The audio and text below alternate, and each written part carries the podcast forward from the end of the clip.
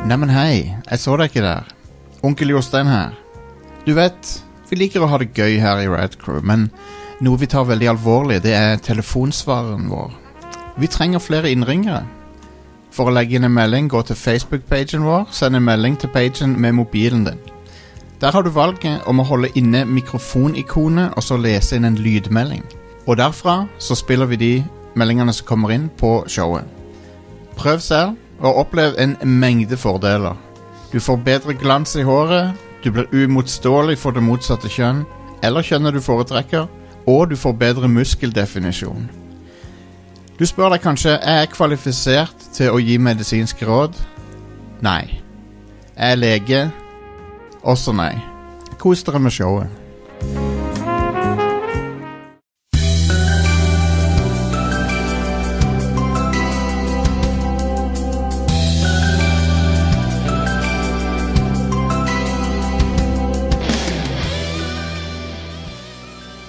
Og velkommen til en ny episode av Radcrew. Vi er tilbake for, fra en uh, kort sommerferie der vi var vekke et par uker. Jeg håper dere har kost dere. Håper det har vært fint vær, og hvis ikke det har vært fint vær, så håper jeg dere har uh, chilla inne med noe uh, video games og uh, goodness. Um, det har i hvert fall jeg gjort. Jeg har eh, vi, I dag har vi et helsikes show, altså. Det må jeg bare Oh, si. yes. Det må jeg bare si. Dette er, det er det er en big one. Det er wide load det bak på den traileren. Så den må, eh, når du må være forsiktig når du rygger med denne episoden. Det var en dårlig metafor. Uh, det innser jeg nå.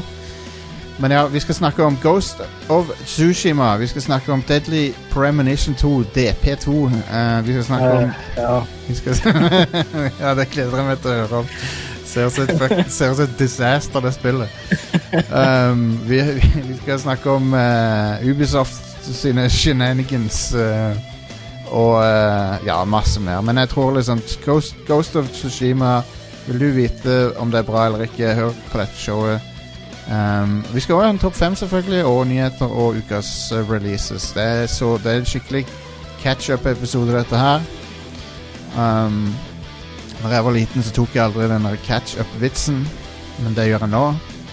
Er fordi det er tomater, sant, så sier de catch, catch, catch up. Og så, er og så har han blitt til ketchup. Jeg heter, jeg heter Jostein, og så har jeg med meg fra eh, Lura Sadness. Are, hallo. Are, vet du, der var han. Uh, har, du Oh, hatt, har du hatt en bra uh, whatever? Ja, det blir en bra jobbuker siden sist, tenker Ja, har du hatt det bra på jobb? Ja. Det Jeg hjemmefra. Det er konge. Eh, Ingvild, eh, er- åssen går det med, med deg? Det går uh, veldig bra med meg. Uh, fått spilt masse i regnvær i det siste og kosa meg. Elsker det. Elsker å høre det. det er, du simpelthen elsker å, å se det. Mm. Det er det jeg vil si om det. Men ja, velkommen tilbake til showet, og velkommen til lytterne våre som har som, jeg, jeg håper dere har savna oss litt. For det, av og til så er det sånn Av og til så er det, så er det sunt å ta en liten pause. Ja visst. Sunt å ta en Det er sunt Det høres ut som jeg slår opp med noe.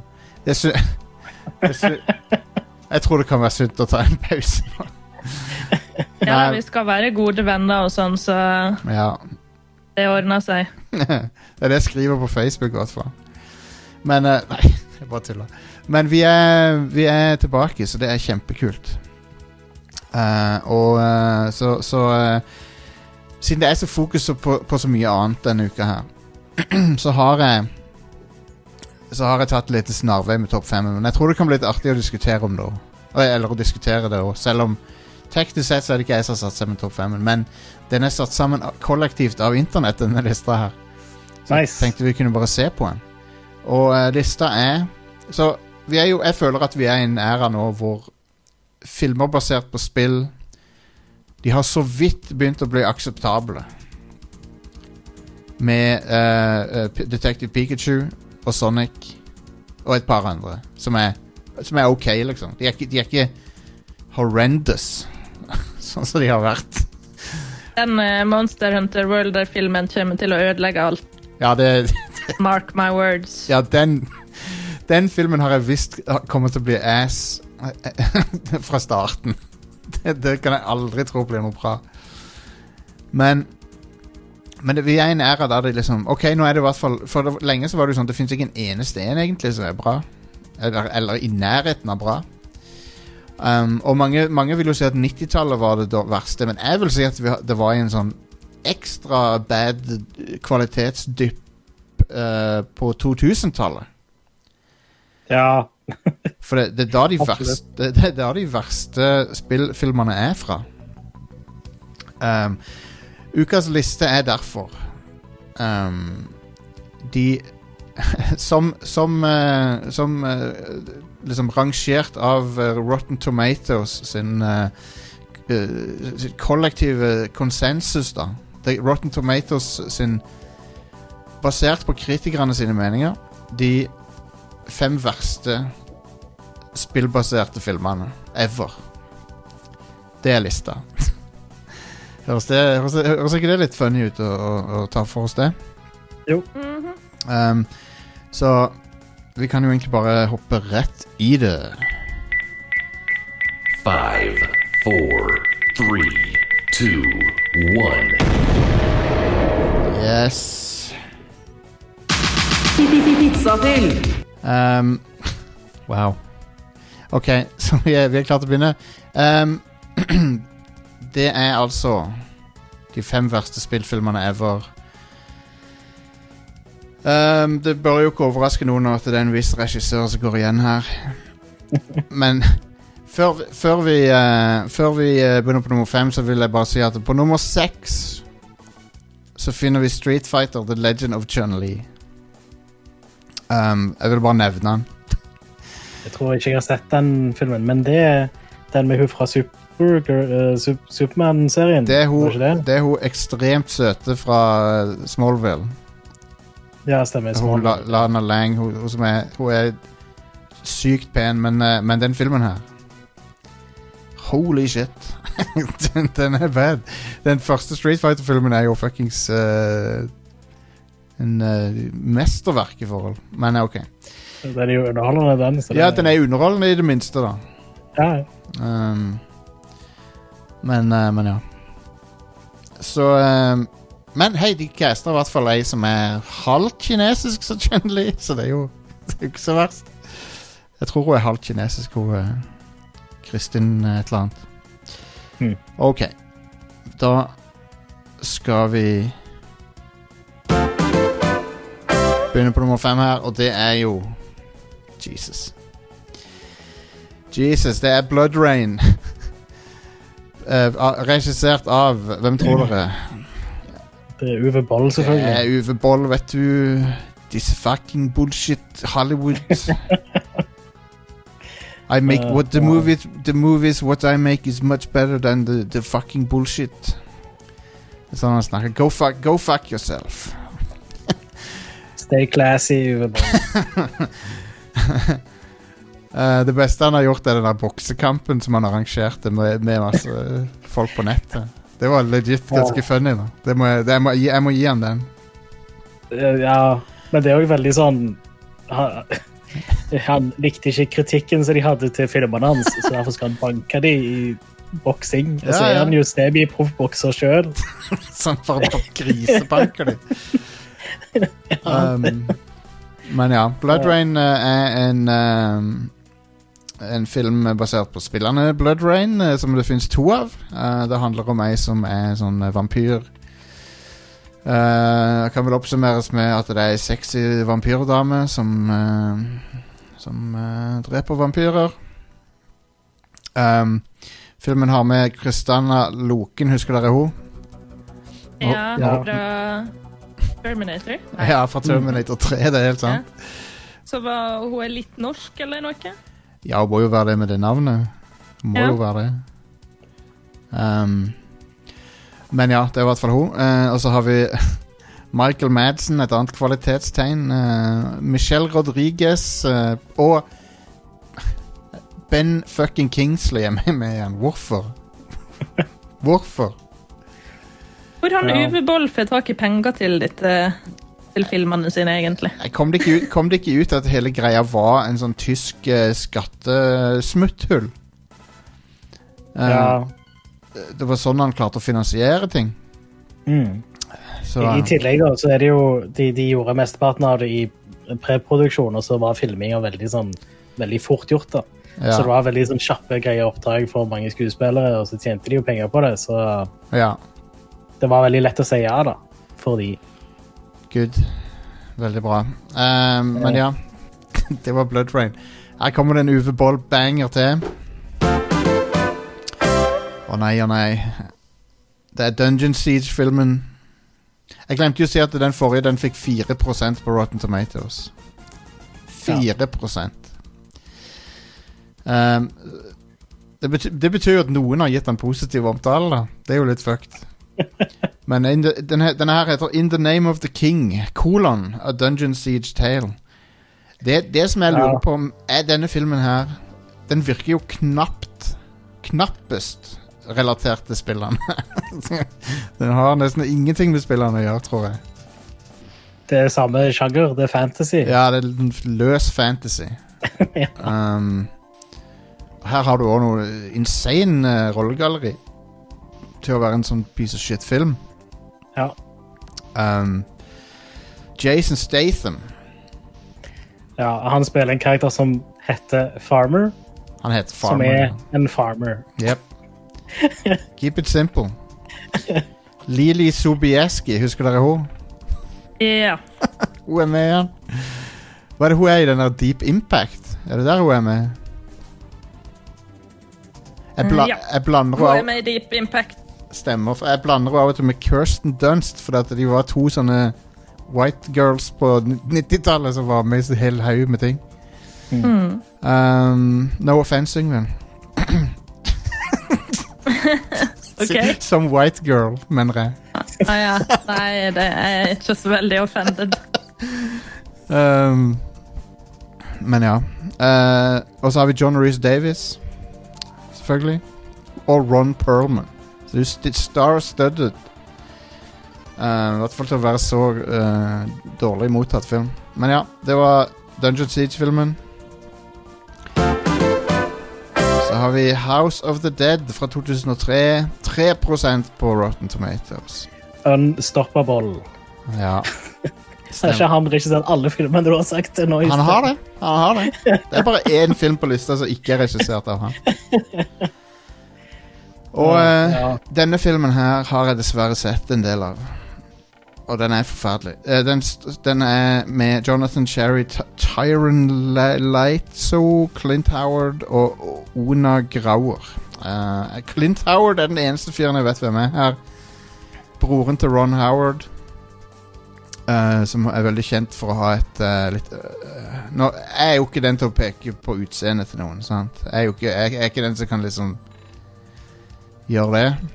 Men uh, Clint Howard det er en, Han ble casta pga. sitt la oss si uortodokse ansikt. Men uansett, uh, dette her er da basert på House of the Dead-spillerne, I guess. Jeg vet ikke om Sega står i rulleteksten engang. Hvis jeg var Sega, så hadde jeg ikke putta navnet mitt på dette her. Men uh, den, denne filmen er bisarr, for den, har, den følger ingen regler av filmmaking, liksom. Klippinga er helt forferdelig. Han klipper Av og til så klipper han til footage av spillet midt i actionscener og sånn. Uh, Det, det er ufattelig. Jeg, jeg skjønner ikke åssen denne filmen eksisterer. Han er så balle. Den er unwa unwatchable, nesten, vil jeg si. Eller ikke nesten, han er det. Uh, jeg husker når han kom ut òg, så var folk sånn der, «Å, det, det, det var, Jeg tror det var dette var liksom gjennombruddet til Uwe, Uwe Boll. Hvis du kan si Mm. det. Rett på DVD, eller? Ja, han var vel det. Han var vel det. I hvert fall i, Ja. hvert fall i Norge var han det. Og det, det er Den er horrendous. Den er liksom Det er bånden i bøtta. Og den kom vel samtidig med Resident Evil-filmen omtrent, som er Den framstår jo som eh, Som fuckings uh, pl Platoon, eller uh, Eller noe en annen- Altså, det, som, en, som en bra film i forhold til denne her. ja. Anyway Så har vi Mortal Kombat Annihilation Første filmen som ikke er Uwe Boll-film på lista Er ikke dette en sånn han der uh, Anderson, Paul W.S. Anderson? Nei, for dette, du skjønner, dette er toeren. Å ja. Og den, den til Paul W.S. Anderson er faktisk greit mottatt. Den, den, den virker som folk liker litt. Hmm. Det som skjedde med Toren, var at uh, de hadde bare en brøkdel av budsjettet til eneren. De bytta ut flere av skuespillerne. De bytta regissør. Det er en som heter John Leonetti. Denne filmen har noen av de verste effektene som er festa på film. Punktum. Eh, når, du, når du ser dem, så er det sånn Det er ment å se fett ut, men det, du bare, det er bare laughable. Du, det, det er sånn på nivå med den der TV-serien Sinbad. Jeg Satt og tenkte på det. Ja, det, det er Det er på det nivået, da. Det er helt insane hvor dårlig det ser ut. Og eneren ser, ser jo relativt bra ut, så det er bare liksom budsjett De hadde ikke budsjettet. Um, så, så ja. Den, så folk som likte eneren, liksom, og gikk på kino for å se den her, good lord. Den, et, det, dette er en film som jeg tror nesten drepte konseptet spillfilmer, rett og slett. Den her Mortal Kombat Annihilation. Når var denne kom? Han kom i um, 97. Hmm. Så, uh, så ja. Så critics consensus på denne her er With its shallow characters, low budget special effects and mindless fight scenes, Mortal Kombat Annihilation offers minimal plot development and manages to underachieve the low bar set by its predecessor. Konge. Løp og se. Og så har vi, som stemt på av eh, alle kritikere som er på Rotten Tomatoes, så har vi den dårligste spillbaserte filmen ever. Er, en annen, det er enda en Uwe Boll-banger, Uh, og det er Alone in, the, Alone in the Dark. Åh, ja. Og denne her Den er jo Den er jo, den er jo infamous for sexscenen i den filmen. For det er faen meg noe av det kleineste som er festa på film. Jeg anbefaler å søke opp sexscenen fra Alone in the Dark på YouTube bare for å se hvor Hvor eh, elendig han er. Det som gjør han Det som gjør han ekstra bad, er at de bruker den der sangen uh, uh, I'll Be Waiting, er det den heter? Se Seven Seconds Away, eller hva den. Synger de, igjen. Jeg husker ikke helt hva tittelen er på den, men det er i hvert fall en utrolig klein scene. Vi har Christian Slater, som ellers Han burde vite bedre, men han er med i denne filmen. Det er jo fint for han at han har, han har, at han har fått at han, ikke, at han er liksom tilbake i noe bra noe, sånn som Mr. Robot, liksom. Ja, han, han er konge i den rollen i Mr. Robot. Han er det. Så, Tara Reid, det er jo Hun, hun, hun spiller en sånn arkeolog eller noe i filmen. ja, en veldig lite overbevisende arkeolog. hun er jo en elendig skuespiller. Altså, Unnskyld meg, men hun er en dårlig skuespiller. Eh, eh, Hun er, hun er bra i The Big Lebowski, men det er fordi hun spiller en totalt tomskalla eh, sånn bimbo, da.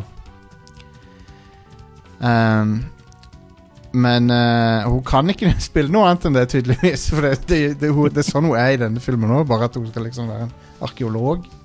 Hun får, hun får Denise Richards i The World Is Not Enough til å se ut som et geni. ja. Um, så har vi Steven Dorff som LOL. Steven Dorff, det er bra tegn hvis han er med i filmen din. Nei da, han er vel ok i Blade, eller, eller hvor han er. Er han ikke i Blade? Jeg tror det. Frank C. Frank C. Turner. Nei, Steven Dorff er sånn tryne når du ser han, så Å ja, det er han, ja. Er det han fra True Blood? Er han med i True Er Steven Dorff med i True Blood?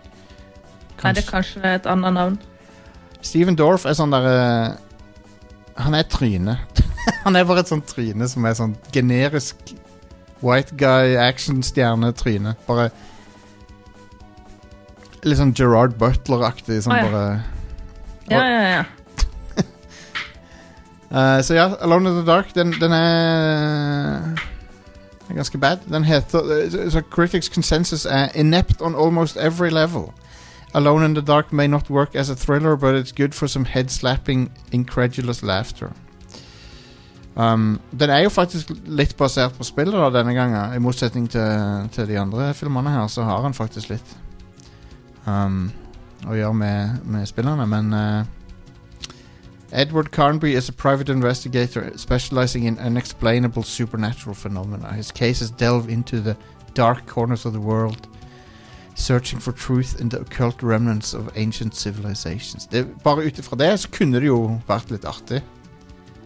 Men når det er Uwe, Uwe Boll sin gjennomføringsevne er elendig, så eh, Ja.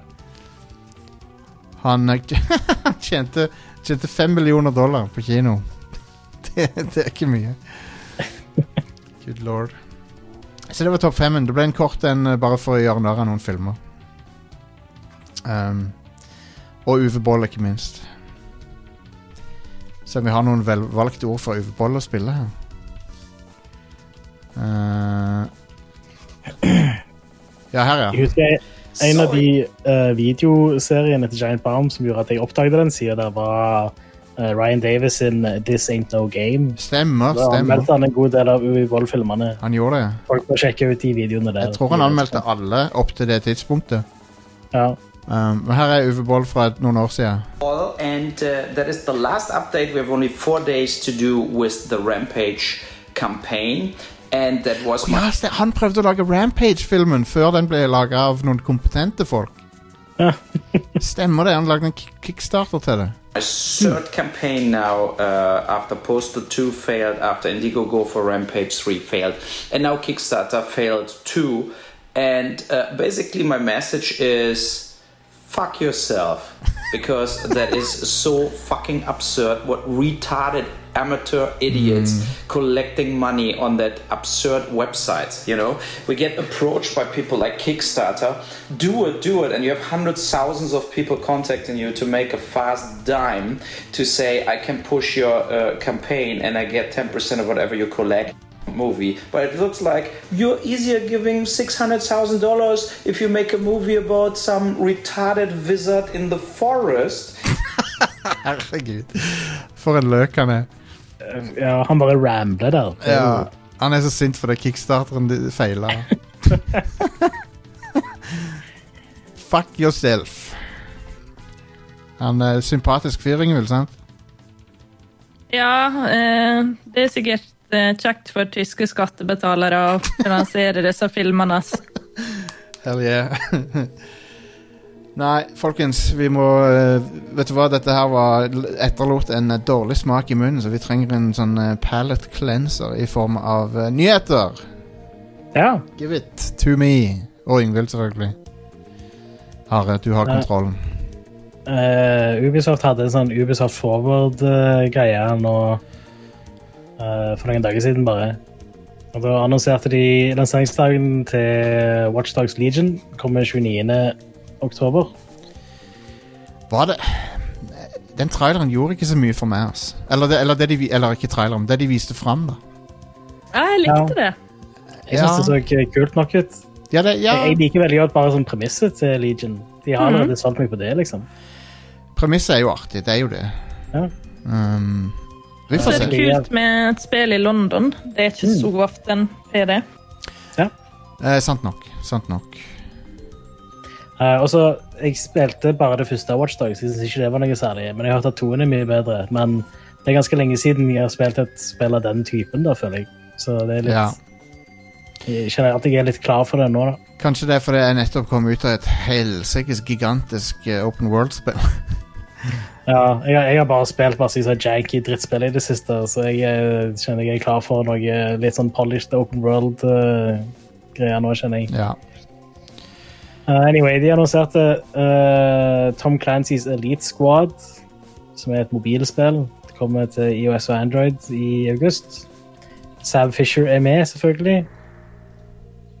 ja. Uh, fordi de kan ikke lage et skikkelig spill med den. De hiver det inn i et mobilspill. Nei. Um, jeg jeg, jeg syns de burde lage et ordentlig Splinter Cell-spill. Ja, de burde det. Uh, Hyperscape uh, går i, gikk i åpen beta, så det, det kan du spille nå hvis du vil. Ja, det, det virker interessant. Det er ikke kult nok. Er Battle Royale. Ja. Uh, Assassin's Creed Valhalla viste de fram gameplayer. Ja, det Nå, vet du det, Folk ble hyped for dette her. De likte dette her. Ja, jeg gleder meg til det. Hva er det, du, hva er det som du beit deg merke i, Ingvild? Nei, jeg hadde bare en veldig positiv opplevelse med Odyssey. Ja, samme. Jeg, jeg likte at eh, de gikk eh, bort fra denne Assassin's Creed-formelen, for den har ikke interessert meg så veldig. Men nå ser det ut som det kanskje blir litt mer av det i Valhalla. Men uh, hvis de mikser de to, så kan det bli kult, da. Abs Mm. Absolutt. Eh, og så er kanskje det flere som har det litt sånn at vikinger er ikke noe jeg interessert meg så veldig for tidligere. Litt fordi det er fra din egen kultur, ikke sant?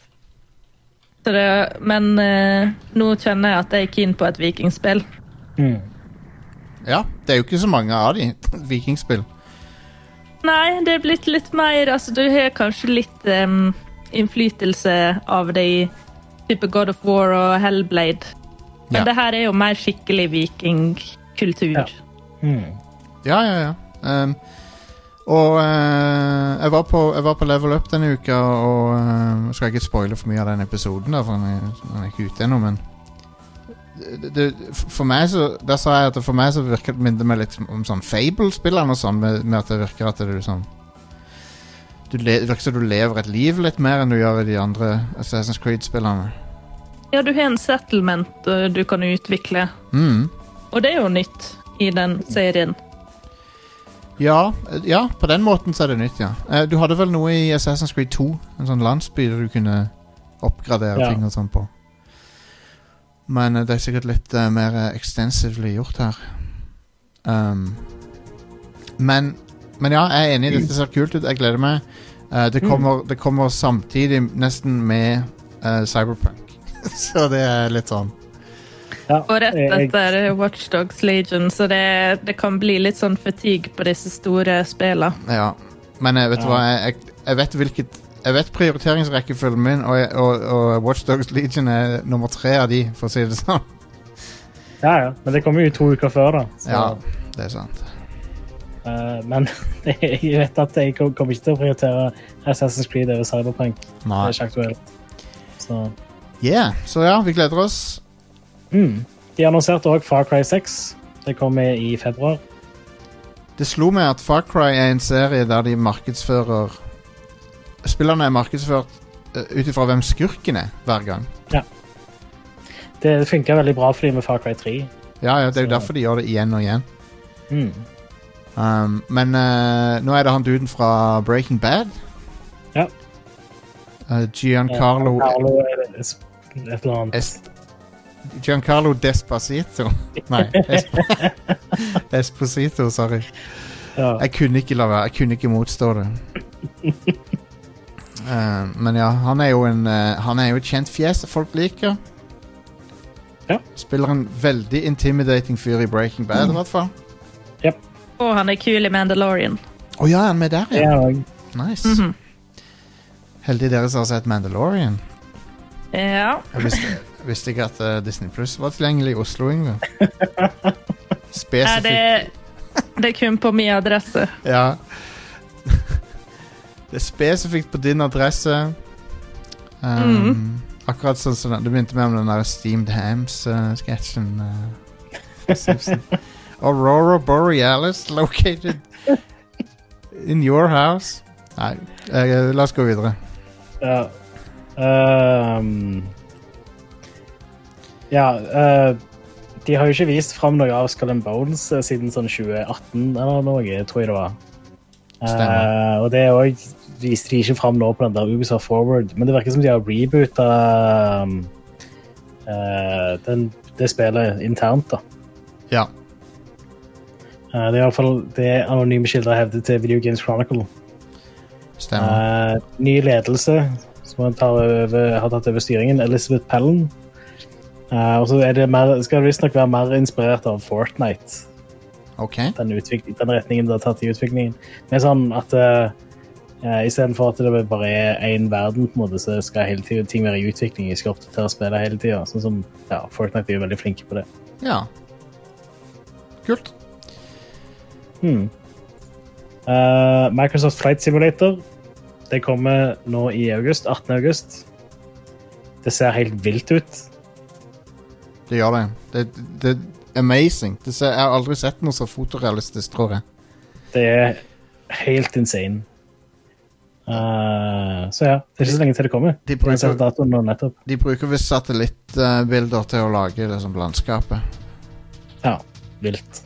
Så det, ja, det ser helt sykt ut. Men det som, det som gjør det, får det til å se ekstra bra ut, er jo sånn skyene og lyset i Mm. himmelen og sånn. Ser jo helt insane ut. Ja. Jeg skjønner ikke hvordan de får til de skyene, for de ser jo helt ekte ut. Uh, det de, Jeg husker de hadde ganske sånne imponerende skyer og sånt i Red Dead eh, Redemption 2 òg. Husker du de? Um, ja, det ser også bra ut. Det, det er en sekvens i det spillet hvor du er i en sånn luftballong, og det bare ser helt vilt ut. Det er jo noe lignende det de har gjort her òg, da. Ja. Eh, men ja, det er vilt lenge siden det kom et uh, Flight Simulator-spill Det er det. altså fra Microsoft. Når var det forrige? Sånn 15 år siden? eller noe? Ja, det var midten av 2000-tallet. Ja. Flight Simulator X heter det. Stemmer. Uh, så det er kult med et nytt et, endelig. Absolutt. Uh, Persona 4 Golden har solgt en halv million uh, på Steam på en måned. Det er Det er ganske bra. Ikke, ikke bare er det ganske bra, men jeg tror ganske sikkert at det er mer enn lifetime-salget på PS Vita-versjonen. Nå har jeg ikke, sj- Sikkert. nå har jeg ikke sjekka det, men jeg, jeg, det hadde ikke overraska meg. Mm. For PS Jeg vet Vita ikke om det er noe vi kan ha tall på. Nei, ikke, jeg vet ikke. Men, men PS, altså, PS Vita var jo en la, Vi kan jo si det nå, det var en flopp.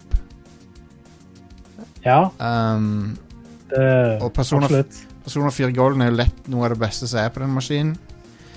Men uh, det hadde ikke overraska meg om PC Om ikke det allerede har tatt igjen salget, så kommer det til å gjøre det. Ja, det, Det er tror kult, jeg òg. det er kult at mange flere får oppleve Persona 4. Mm. Uh, og jeg håper det betyr at de begynner å slippe personerspillene på litt andre plattformer framover enn bare PlayStation. Ja. Sånn, Persona 5 er jo perfekt på Switch. Hvorfor har ikke det en Switch-versjon? Nei, det, Persona 4 har jo for den saks skyld. Det er jo eh, det er stupid. Um, for det, de, de passer perfekt i spillene, for det er veldig sånn bite-size deler av det òg, så du kan liksom spille litt om gangen. Mm. Så Men, men. Men, men. Uh, Ubisoft har holdt på å rydde en del innad i, i det siste. Mm, Um, det er tre nye sånne Ubisoft-sjefer som går av nå. Etter in, den der interne um, investigatingen de gjør. ja. Uh, for jeg tror mesteparten av dette har skjedd i sånn siden sist gang vi spilte inn en podkast. ja, jeg tror det. uh, det har jo kommet en god del anklagelser om, uh, seksuell trakassering og sånt Ja. uh, den siste tida. Og det har gjort at Ubisoft har ja, gitt slipp på ganske mange ansatte. da. Ja. ehm, var det jeg Var det litt sånn eh, en smule eh, Ikke bad taste, men det var sånn time, Timinga med den der streamen de hadde, var litt sånn eh, når, du vet at, når du vet hvor mye som foregår i selskapet, så er det liksom Skal de vise fram masse spill og være veldig positive og sånn, men eh, selvfølgelig, de må jo De må jo markedsføre spillene sine. Ja, selvfølgelig. Ja. Og det kan bli litt sånn dobbelt straff for utviklerne, tenker jeg da, hvis en eh, kansellere streamen med Nettopp. alt de har jobba med og har lyst til å vise fram spillene sine og gleder seg til det. Absolutt. Mm. Fordi sjefene deres er så kjipe. Så ja. Ja. Ja. Men eh, det var en av disse sjefene som visstnok hadde helt ekstremt mye makt på å eh, tommel opp eller tommel ned på spilleideer. Oh, Mm, Og han stemmer. var helt sånn der ut ifra hva han likte og sånn, så wow. fikk folk ja eller nei. Så jeg bare kjente sånn Åh, tenk hvor mange kule ideer sikkert som har gått i vasken av én type fyr. Mm. Ja. Uh, Ja. Det, det var han Men- uh, Hva heter han for noe? Se, uh, Serge Serge Hask Jeg klarer ikke å uttale det. Glem det. Fuck it.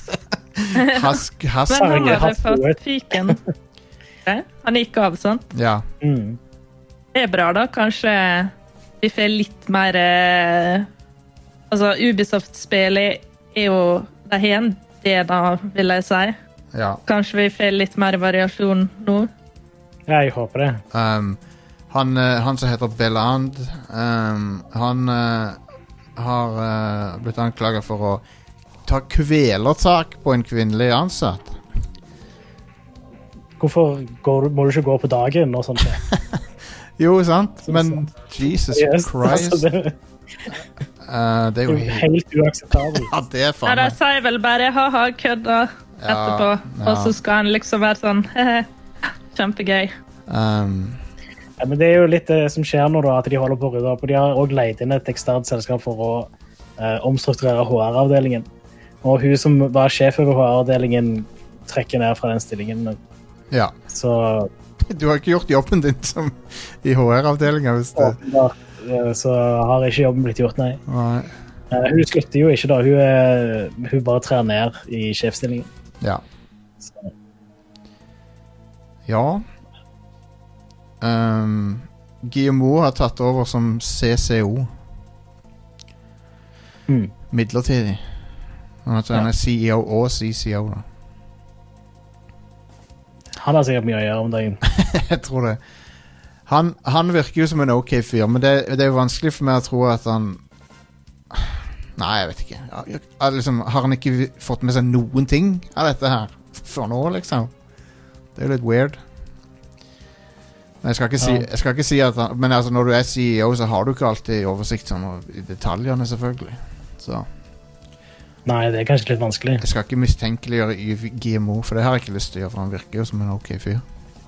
Kanskje Nei, altså, så lenge de- de har tjent penger og sånn, så har ikke de turt å gjøre endringer på ting. Kanskje. Men det er, jo, det er jo insane med noen av disse tingene som de har Som er anklaga for. Da. Det er skikkelig bad shit. Ja, det er det. Så, eh, så dette er ikke good. Eh, men det er bra. Nå kanskje, da. Kanskje så kan Ubisoft gjøre litt endringer. Men, det, men jeg kan nesten garantere at at dette skjer i flere av selskapene. Så det kommer, kommer Mm. sikkert til å komme ut fra andre òg. Ja. Um, det, det er no way at det bare er Ubisoft. Stemmer. Men uh, uh, Ja. ja. Siste nyhetssak er at Sony investerer i Epic Games. De kjøper inn uh, 250 millioner dollar. Ja, OK. Cool. cool, cool, cool. Ja. Finance News her på Radcrew. Yes. Det er jo litt interessant at Sony kjøper seg inn i Ja, det er det. det, er det. Um, PC og Centric Studio sånn som det. Uh, det. det. kan jo tyde på at de er Eller vi har jo allerede sett at de er på vei inn i PC-verden. Ja. Når de gir ut uh, både Death Stranding og uh, Horizon Zero Dawn. Mm. Som uh, Death Stranding er jo kanskje ikke et Sony 100% Sony-spill, men Nei, men de produserte spillet. De produserte det, ja. De gjorde det. Så uh, det er interessant. Det blir spennende å se. Jeg tror at hvis Sony Hvis Sony bare begynner å gi ut spillene sine på PC, så kommer de jo til å dominere plattformen. Ja, For, for de har jo ja, i hvert fall denne generasjonen her, så har, er det Sony som har briljert mest på sånn gode singleplayer eh, storybaserte spill, da, som ikke er sånn live service og Ja. ja. Men det er noe å tenke på at eh, Last of Us og Horizon og sånn, ja, de selger noen millioner, men de kan ikke måle seg med Pod og Fortnite og Minecraft og Nei. Så de må jo inn på det markedet før eller senere, fordi eh, det er jo der det er aller mest penger å hente, da. Men alle er, jo, alle er jo sjalu på Sony fordi de har de der første First Party-titlene. Så det er litt sånn øh, Ja. selv, selv om de tjener ikke like mye penger som Fortnite, eller noe sånt, nå, så, så er det liksom sånn prestisje i de spillene. Altså alle, alle Det er jo bare for omdømmet, da. Ja, det er det. Uh, det, det er jo veldig prestisjefylt. Det er ingen som kan touche Sony eh, på de der eh, spillene der lenger. Um, unntaket er Nintendo, men de er litt, det er litt annen Det er litt annen type prestisje med de. Nintendo er jo nesten ikke sammenlignbart med resten av industrien. Nei, de er ikke det. Så, Nintendo er jeg har, veldig lite å gå på på familiemarkedet. da. Altså, En Ja. PlayStation er ikke en familiekonsoll. Nei, han er ikke det. Og, og, og unnskyld at jeg sier det, men, men de familiespillene som Sony lager internt, eh, de er ikke for meg. Sånn Little Big Planet Jeg, Jeg, ork- jeg syns ikke de er bra engang. Nei, det er ikke bra sammenligna med Nintendo-produkter, da. Nei. Um, men, eh, men ja, jeg tror eh, Sony har jo også vært veldig gode på det der med å unngå å ha så jævlig mye sånn mikrotransaksjoner og sånt tull. Ja. Så det skal de ha kred for, I guess. Eller, de skal ikke ha kred for det. De, de, de, de andre skal ha kjeft for å gjøre det. Sony skal ikke ha kred for ikke å gjøre det. Anyway. Var det siste nyheten, det, da? Ja. Da må vi komme inn i ukas releases. Hva er det som har blitt released? Eller hva er det som skal bli released? Uh, I dag kommer Death Stranding ut på PC. Nice. Det, det anbefaler jeg for øvrig. Det er et bra spill. Mm. Uh, men jeg spilte det ferdig på PlayStation 4, så jeg kommer ikke til å kjøpe det på PC. Som jeg sa på Level Up denne uka, det er et veldig bra spill. Jeg tror ikke jeg har lyst til å spille det igjen. Jeg er Enig. Men jeg likte, jeg likte veldig godt spillet. Men ja, det er egentlig litt for langt, så jeg Ja. var litt lei av det når jeg var inne og var ferdig. Ja. I tillegg så kommer det da Rocket Arena, som er det der EA-spillet som de viste fram Mm. på deres uh, sånn livesending. Uh, det kommer på PC, PlayStation 4 og Xbox One. Cool. Uh, på torsdag så kommer Superhot Mind Control Delete. Superhot. Er det en oppfølger til Superhot? Det er en uh, sånn expansion, basically, eller en Ja. DLC. Men det Jeg tror hvis du uh, eier Superhot, den vanlige versjonen, før den Mind Control Delete kommer, så får du det gratis. Ah, OK. Uh, de som ikke har kjøpt Superhot ennå, må ja, betale, I guess. Cool, cool, cool, cool. Mm. Uh, det er en litt mer sånn uh, Du tar runs, så det er en uh, rogelight. Ja, ja, ja. Må ta noen på- runs. Mm. Må ta noen runs av og til. Ja. På fredag så kommer Paper Mario The Origami King til Nintendo Switch. Det har jeg bestilt meg. Nice. Konge. Det får jeg vel Jeg får kopi av det, tror jeg, så jeg, så jeg kan få kanskje snakke om det neste episode. Ja, konge. Hvis jeg får spilt det nok. Uh, I tillegg så kommer Ghost of Tsushima. Det gjør det, vet du. Jeg er ganske gira på det. Ghost veldig, of veldig. Tsushima. Det er jævlig weird å ha runda det for ei uke siden. Ja, um, men jeg tok uh, gjorde masse notes, og eh, jeg tror jeg er ganske klar for å snakke om det. Skal vi ta en liten pause, og så uh... Jeg har forresten en release jeg har tenkt på. Oh, ja, ja. Uh, på torsdag så kommer det en slags remake eller remaster av Beyond the Steel Sky. Beneath the Steel Sky. Vent, Ja, kom, kommer det allerede nå? Ja, som er et ganske gammelt uh, cyberpunk uh, adventure-spill, så vidt jeg kan huske. Ja. Det er dritbra. Jeg elsker originalene. Ja, men nei, så på torsdag så har jeg sett litt bare video av gameplayet. Uh, det ser ikke akkurat sånn superpolert ut, men kanskje Jeg tenkte jeg skulle prøve det. Storyen i, Eh. storyen i eneren er dritbra. Så hvis storyen er bra her, så er jeg down for det, altså. Ja, og så hvis en kjøper det på Steam, og du spiller en time og syns det er helt krise, så går det jo an å refunde det. Det er sant. Det er et veldig godt poeng. Jeg har, benytt, jeg har sjøl benytta den featuren uh, på et spill, så det funker ypperlig. Um, det, hva spill var det, Justin? det var The Lion King slash Aladdin. Å ja, funka det ikke for deg, eller noe sånt? Det gikk ikke, an, det gikk ikke an å streame det. Um, fordi Ja. at uh, Disney hadde, hadde lagt på en eller annen sperre, så du kunne ikke, kunne ikke capture vinduet. Wow, Um, samme hvilken metode jeg brukte, liksom. var en ting å gjøre. ja. Jeg refunda Celeste, for det var for vanskelig for meg.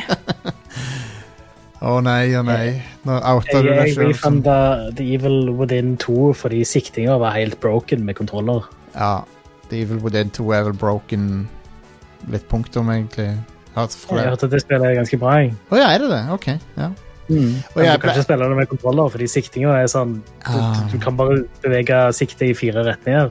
Opp, ned og så videre på høyre. Det er ikke analog sikting What the fuck, man? Så du må, hvis du vil sikte greit, så må du spille med mye tastatur. Guess. Jeg, jeg, Jeg blander testa. PlayStation 4-versjonen òg. Det er ødelagt. Spillet er broken. Jeg, jeg, jeg, jeg prøvde det på, ehm, på Det er eneren jeg blanda det med, for jeg, jeg syns eneren ikke var så bra. Enig. Um, men, En eh, er ikke så bra. Anyway, da skal vi ta en liten break av Rooney, som Alex sier på Nights. Og så er vi tilbake med Ghosts of Tsushima. Nå skal vi Kurosawa uh, The up in, up in This, eller noe sånt. Straks tilbake.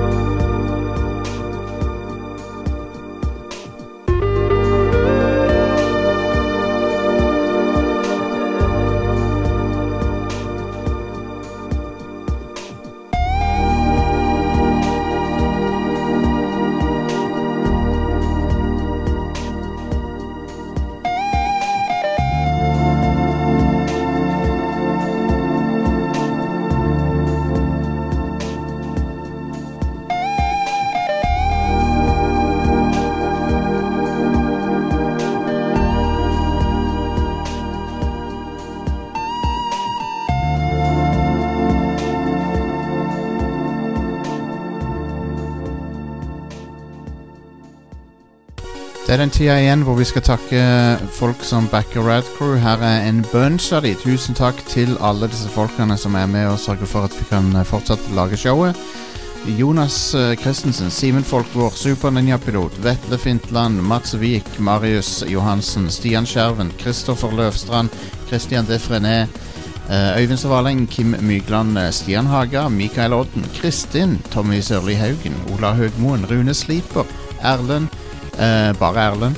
Levi Tunhold, Didrik Wesenberg, Per Aksel Hosar, eh, Mats Taraldsen, Øystein Mathias Høydahl, Erlend P. Hettervik, Michelle Ludvigsen, Olav André Ulriksen, Rune Klimek, Eirik Bratthammer, Glenn Abrahamsen, Tor Ekle, Gaute Eiterjord, Jørgen Frydenlund, Gøran Helge Nilsen, eh, Nils Mokleiv, Rustafan, eh, kongenavn, eh, Jan Erik Nybråten, Peter Mo, Andreas Antbro, Kevin Long, Alexander Gjelsenli, Raymond Gaspersen, Torbjørn Talseth, Kristoffer Viena Jørgensen og Atle Reigstad.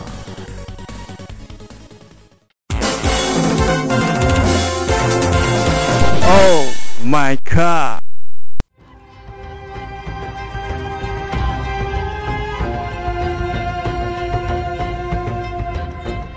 Ok, Ghost of Tsushima, it's out.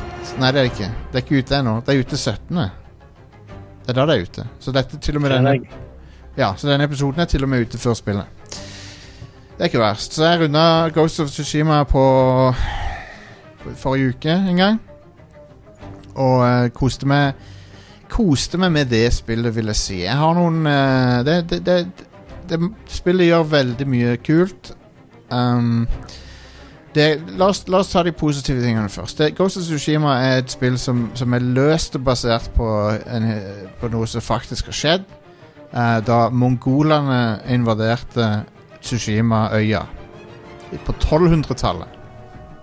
Um, Du er da en ung eh, samurai som er den eneste gjenlevende samuraien, tror du, da, etter invasjonen. Og så skal du være med og ta til Du skal liksom lede efforten i å ta tilbake øya fra mongolene. Uh, og det er et spill som uh, Som gjør en del interessante ting. Det, for det første så er det jo Hovedinspirasjonen er Kurosawa-filmer. Det ser du. Det oser Oser den stilen, hele spillet. Det er utrolig stilfullt uh, laga. Det er Nice. Ja, det Det er veldig cinematisk. Veldig. Ah. Eh, så det er sånn uh, Til og med gameplay ser ganske cinematisk ut av og til. Du har sånne sekvenser der du kan Du, du har sånn standoff. Hvis du treffer på noen banditter eller mongoler, eller noe sånt, så kan du ha sånn standoff med dem. Det er nesten som sånn quick draw i Ville Vesten. Bare at du står med hånda på sverdet på, hånda di på sverdet, og så venter du på at den andre skal gjøre en move, og så med en gang han gjør det, så kan du bare slice fyren i to. det, er drit, det er dritfett. det ser så jævlig fett ut når du gjør det. Og så, og så får du jo muligheten til å chaine det, sånn at um, Litt ute i spillet så, så kan du liksom unlocke Ok, du kan chaine to-tre av de der kill finishing movene, sånn at du kan tynne ut uh, horden av fiender. Nice. Men ja, du eh, um, det, det er jo et spill som som, ehm, som ser amazing ut. Sånn at det, det, jeg har forstått også at på vanlig PS4 ser det helt sykt ut. Uh, jeg spilte på Pro. Sånn vegetasjon og sånn svaier i vinden på en sånn sykt fin måte. Alt, og det, det er nesten alltid sånne blomsterblader som flagrer i lufta. Sånn. Ah, konge. Det minner mer om Okami, bare med e- ekstremt mye mer fidelity i bildet. Og der er en eh, bra fotomode, ikke det? Jo, kongefotomode. Du kan leke deg veldig med det. Um, og det er jo en Kurosawa-mode, som er å spille spillet i Ikke bare er det svart-hvitt, da, men det er òg sånn filmartefakter på bildet. Og så blir lyden mono. Uh, og, og litt sånn inn eh, Sånn Ja, det, det, lyd, lyden blir mye mindre dynamisk. Det blir som å se på en gammel film. Um, og du kan spille hele spillet som, som om det så, liksom så ut som en sånn gammel Kurosawa-film. Jeg gjorde ikke det, da, men jeg testa ut moden. Mm. Um, og, eh, så jeg anbefaler i hvert fall å sjekke ut den moden. da. Det er kult. Men uh, jeg syns combaten er, er veldig god. Han er Han minner om andre um, spill i sjangeren, men henter litt Jeg vet ikke om de er riktig Altså, de, de har jo han, han henter en del fra Assassin's Creed. Um, men det, du, det er mye bedre, syns jeg. Uh, du føler deg som en badass samurai uh, hver gang du er i combat. Det, det er sykt fett å se på Odd spille. Og når du klarer, å, når du klarer å parere, så Så er det litt sånn som i, uh, i Sekiro at det blir litt sånn slå, Litt an pauser, sånn bitte litt, når du parerer, sånn at det ser badass ut. Og så, og så klinger det i metall liksom, akkurat når du parerer, og så kan du bare gå for en sånn killing blow. Eh, det er dritfett. Men det er ikke noe sånn stamina eller noe sånt på fiendene som har et synlig meter eller noe sånt. Det er ikke noe sånn som i Sekiro. Det er mer sånn at eh, du må breake blokkinga til fienden en, med forskjellige stances som du har. Så du, du Mm. har, du har um, wind og water og forskjellige sånne stances som er egnet, Noen egner seg for å ta folk med skjold, noen egner seg for å ta folk med spyd. Så du, og så driver du hele tida og sjonglerer mellom de forskjellige stansene. Basert på hvilken fiende du slåss mot. Eh, Så det er veldig kult. Og det føles smooth og kjempestilig. Og så har du sånne eh, kunai-kniver som du kan kaste på. Masse, masse gadgets og gøyale ting du får etter hvert. Konge. Uh, ja. Så combaten er variert og veldig kul. Mm. Uh, ble, ble ikke lei av den i det hele tatt, egentlig. Kjempeartig. Um, Hvordan er det med opptak og sånt? Er de òg varierte? ja, relativt. Og det er jo Men, men det spillet er uh, det, spill, det, det er litt safe. Uh, på den åpen verden-designen så er det litt De spiller det litt safe, vil jeg si. Det er ikke noe sånn banebrytende i dette spillet i sin sjanger, på en måte. Det, det, det, det er det du Spillet er i stor grad det du tror det, det, du tror det kommer til å bli, da. Hvis du har sett gameplay av det. Det er som et Assassin's Creed-spill i stor grad. Uh, av og til så går du inn i camp, fiendecamper og sånn, og skal cleare de, og så, og så har du en sånn masse vanlige mobs, og så har du en sånn general. Og det, er- det er akkurat sånn som i Assassin's Creed Odyssey. Ja. At du liksom, Mm. «Å, han der er generalen, og så kan du Så han er litt vanskeligere å drepe. Du kan ikke assassinate han direkte, du kan bare gjøre en critical hit på han, og så kan du drepe han. Det er akkurat, akkurat sånn som det er i Assassin's Creed. De, nye, de nyere Assassin's Creed-spillerne. Mm. Men det er sp Spillet er veldig polert over hele linja, egentlig. eh, men det er som sagt litt safe når det gjelder å være i den her åpen verdenssjangeren. Det er ikke noe Du får ikke se så mye her som sånn spillmekanikkmessig som du ikke har sett før. da Så det er et spill som er liksom en blanding av det beste av mye annet, vil jeg si. Jeg er litt nysgjerrig på han hovedpersonen. altså Har han en egen, mer personlig historie og sånn, eller? Ja, veldig fin Veldig eh, bra historie, syns jeg. Jeg kan ikke røpe så mye om den. Jeg vil ikke røpe så mye om den, for den er, egentlig verdt å oppleve, vil jeg si. Um, men det jeg kan si, tematikken i spillene er uh, Skal du følge samurai-kodeksen, eller eller, Eller fins det situasjoner der, der det er verdt å ofre den og Sånn er kan, de, det er litt sånn snakk om Er det ærefullt å drepe noen bakfra, liksom? Stikke noen i ryggen. For samuraien, samuraien Mhm. sin kodeks sier du skal, du skal se fiendene du, du skal gjøre det face to face, liksom. Det er japanske voiceover. Ja, eh, det er japansk voiceover. Det òg amerikansk, eh, engelsk voiceover, men der òg er skuespillerne japanske i stor grad, tror jeg. Eller japansk-amerikanske. Um, jeg syns voice actinga på engelsk var veldig bra. Jeg har ikke spilt det på japansk. Men uh, veldig fint, fint manus, bra, bra skuespill. Um, jeg likte konflikten um, som han rollefiguren har der uh, Etter hvert så du blir mer en Du blir et ghost, sant? Uh, du, er en, du, du er ikke en samurai etter hvert, for at du Du innser at de metodene som samuraiene bruker, det var det som gjorde at de tapte. Så du må på en måte Du får Du, du, begynner å drite litt i samuraiene sin æreskodeks, for det, du får ikke resultater med det. Men så er, det, så er det folk i spillet som er sånn Du har eh, Du kan ikke holde på sånn som dette her, for det er ikke samuraienes metode. Det er ikke samuraienes way of life, liksom. Og det er det som er temaet i spillet.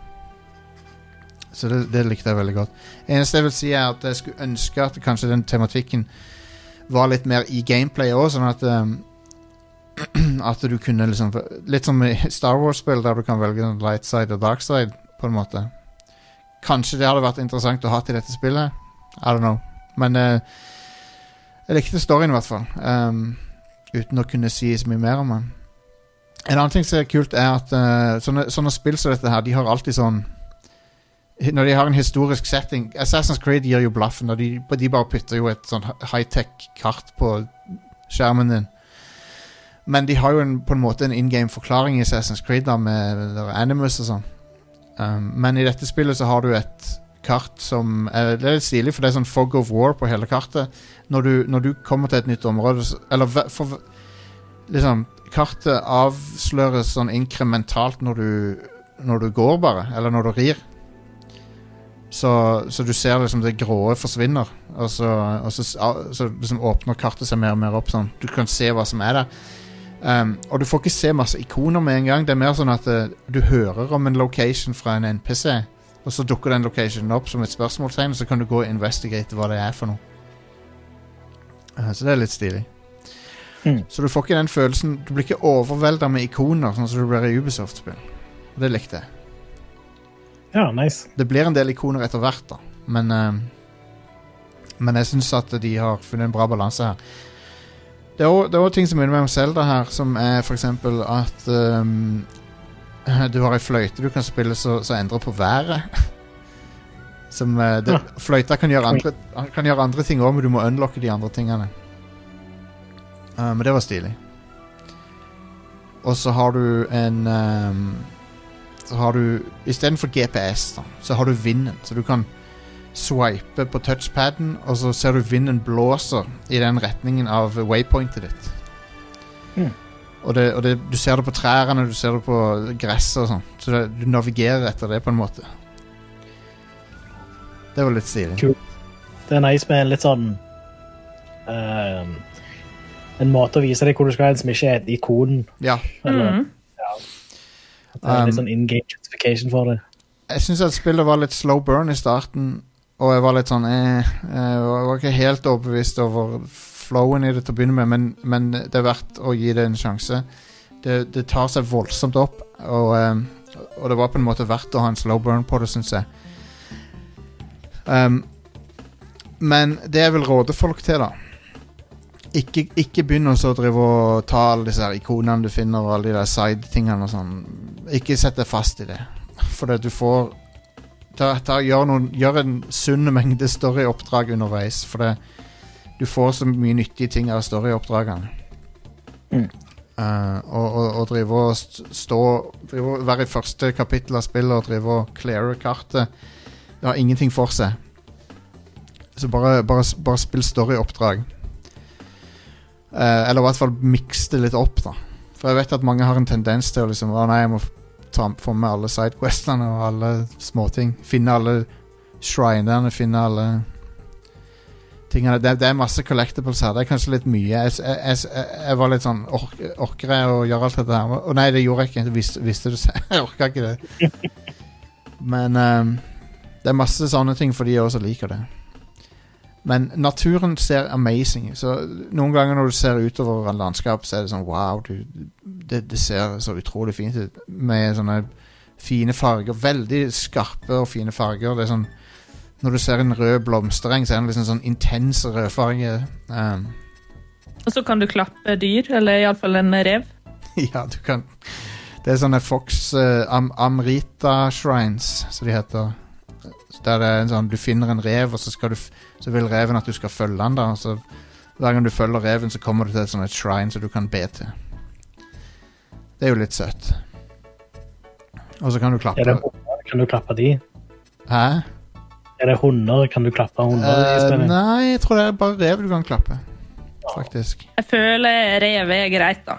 Det er innafor. Så, lesser dog. og så drev jeg og, og til å begynne med så drev jeg og skjøt på eh, sånne eh, rådyr. Og så leste jeg et eller annet sted Jeg husker ikke hvor jeg leste det, men det var i spillet eh, at det var sånn At uh, rådyr er sett på som hellige dyr, og det er frowned upon å drepe dem. Og så bare ups! så det drevet, drept flere av dem. Mm. Men du, rovdyr Hæ? Har du noe lut for dem? Nei, for de er, de er ikke Du får det ut for rovdyr, bare. Mm. Så det er drept bjørner og sånn, ulver og sånne ting. Det, Så du bare drepte de uten at det var noe vits i det hele ja, for jeg har blitt lært opp av sånne Ubisoft-spill og sånt til å gjøre det. sant?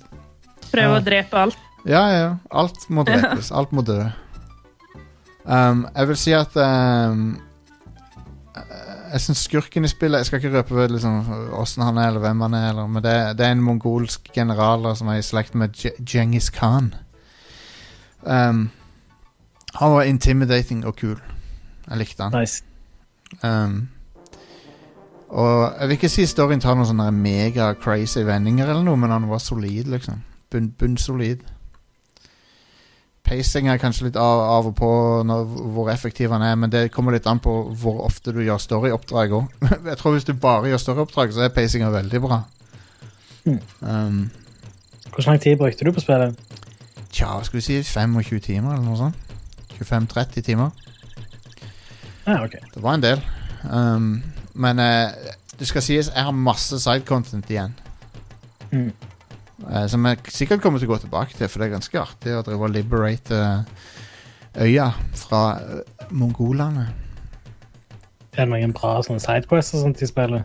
De Eller er er, de litt standard sidequest-opplegg? Jeg, var, ikke så veldig superimponert med sidequestene i forhold til mainquesten. Mainquesten er jækla bra her. Alle, alle mainquest-oppdragene er fantastiske og har noen sykt minneverdige øyeblikk som jeg gleder meg til andre folk ser. For det er noen av bossene du møter på, og noen av de dramatiske situasjonene som oppstår, og sånn, de er badass. så og det er spesielt noe litt ute i spillet som er, Når jeg så det, så fikk jeg frysninger og bare tenkte Holy shit. det der gleder jeg meg til at andre skal se. For det er noe av det feteste jeg har sett. Konge. Uh, ja, det, og det er en ting som jeg spesifikt ikke, ikke kan Ikke har lyst eller kan snakke om, for at det er det er, det er bare Jeg tror folk skjønner det når de ser det, hva, hva jeg snakker om nå. For at det er amazing. Um, han Hovedpersonen likte jeg veldig godt, egentlig. Han, han, en, han, han står fram som sympatisk, og han Han er en fyr som uh, du kan skjønne motivasjonen til. Um, Mm. Når han får pushback for å bruke eh, u metoder som samuraiene mener er uh, uten ære. Um, men så skjønner du liksom at Ja, men det er jo han som får resultater. Men samtidig så er det sånn Mister han uh, litt av sjelen sin når han gjør det der, på en måte. Så det er jo, bare, det er jo liksom konflikter inni han. At liksom han Han sier jo litt opp av Han, han, han ofrer veldig mye De valgene han tar da i storyen, de, da ofrer han alt, basically. Han ofrer liksom æren sin og Mm. Så det var en fin historie. Ja, kult. Um, er det noe mer eh, dere lurer på eh, her om uh, spillet? Nei, jeg hadde faktisk ikke tenkt til å spille det, men nå som du har fortalt litt om det, så fikk jeg lyst likevel. Ja, en ting som slo meg, er at eh, det ligner ikke på noe annet Sucker Punch-spill. Eh, Hvis jeg hadde spilt det, så hadde jeg aldri tenkt at det var de som hadde laga det engang. Mm. Den eneste tingen jeg kan komme på, er at de har den der sticky hoppinga bitte litt. At når, Ja. når, du, når du hopper, så blir du liksom sugd mot objektet som du hopper mot. Det er Sånn magnethopping i uh, Infamous-spiller husker jeg i hvert fall. Ja, og det er det litt av her òg. Mm. Um, men ut, utenom det så er det ingenting som sier, sier meg at dette er et Sucker Punch-spill. Så det var litt interessant, bare. Mm. For både Sly og Infamous og sånn følte jeg liksom var ganske obvious, men Jeg vil si dette, Ja. dette er bedre enn begge Infamous-spillerne. Det er det. OK. Um, når det Er det ikke ikke Infamous-spill? Hæ? Er det ikke tre av Å oh, jo, fuck, det er jo tre av de. Ja, men det, ja, det er på PS4. Det var jo litt sånn Det føltes ikke, som- føltes ikke som et komplett spill. Nesten. First Light. Ja, det som kom før det òg. Den derre um, Second Son. Ja, First Light er jo en sånn Standalone. Ja. Men se, se, Mhm. Second Son er jo litt sånn Det, det føles som et launch-spill, selv om det ikke var det. Kom, kom liksom et år ut i PS4 og føltes allikevel ganske sånn magert, syns jeg. Mm.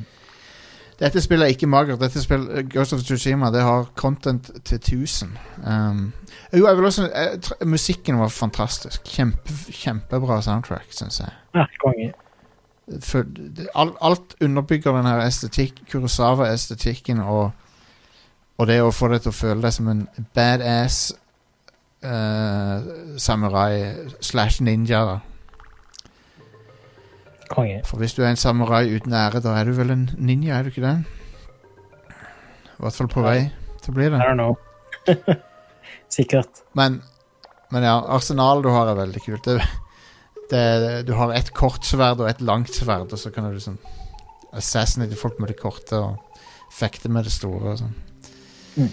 Det er moro. Jeg hadde det veldig mye moro med dette spillet her. Det, det, det, som, det som er kritikken mot det, er at det er et veldig safe open world-spill. Så det er sånn Det revolusjonerer ikke open world-spill, sånn som Breath of the Wild revolu revolusjonerte open world-spill. Mm. Uh, og for, liksom all, det, er Breath of the Wild som er liksom gold standarden for open world design nå. Ja, det vil jeg si. Tre år senere så er det fortsatt det. Ja, og dette spillet gjør ikke noe sånt. Nei. Um, men det er utrolig vakkert, og det er bare bunnsolid laga sånn. Så det, jeg, kan liksom, jeg kan ikke liksom trekke det så voldsomt for det, men det er hvis du, hvis du nettopp kommer fra å ha runda Assassin's Creed Odyssey, så kan jeg skjønne hvis du ikke orker dette her. For at det er mer av den typen spill, liksom. Men hvis du har mer appetitt for denne typen spill, så er det bare go for it. For jeg syns det var fabelaktig. Og jeg ser fram til å eh, se hva andre syns om det. Jeg ser jo at anmeldelsene har kommet ut, og det virker som de er veldig positive, så Og jeg tror ikke det er noe i dette spillet som kommer til å bli noe sånn review-bombe eller noe sånt heller. Selv om I hvert fall tror jeg ikke det, men du vet jo aldri, da. Herregud. Det er ikke noe kontroversielle eh, politiske tema temaer i dette. Nei, det er veldig safe på det området òg. Det er det. Ok. Faktisk, ja. Det er det. Um, men nei, det er bare vel, vellaga. Og, og så er det liksom ikke noe gimmicks å snakke om som er sånn veldig in your face. Det er veldig sånn Jeg vil si, jeg vil si det er et jordnært uh, spill som, er, som ikke går, går så sykt crazy med noe. det, det, er et, det, det er noe som føles så jordnært som et sånt spill kan bli, da de, de, prøver å, de prøver å få det til å være relativt realistisk.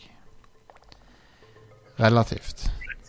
Og så er det Så er det liksom noen små hint til noe overnaturlig. Men bare, bare en anelse. Bare sånn Mindre enn Game of Thrones, til og med. Men det, det er noe i lufta, liksom. Det er sånn Små hint til, til shintoismen og sånn. Uh, men det er ikke et fantasyspill, det er et historisk spill. Så ja. Så det var det. var Det Det var Ghost of uh, Tsushima. Få det, det spilt, uh, etter min mening. Ja, jeg ja, gleder meg til fredag.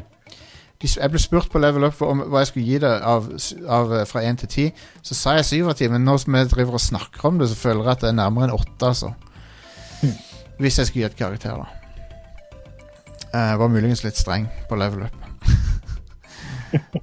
men, eh, men nei, eh, eh, nei, det var nice. Så eh, Så folk må sjekke det ut. Ja, konge. Um, ja Da Jo, og så um, da, da vil jeg gjerne høre om Deadly Premonition. Her. Ja. Uh, Deadly det er det deadly? Hva sa du? Jeg sa det er et piece of shit drittspill. liksom. Hell yes. Um, og, men eh, for meg så, som jeg ikke har spilt det, så virker det som at det er Det er ikke sånn sjarmerende drittspill som som eneren var, kanskje. At det er bare Altså, problemet er jo at frameraten er helt forferdelig dårlig. Så spillet er ikke spillbart. Jeg jeg har sett video av det. Det er jo sånn det er 12-15 frames i sekundet. Altså.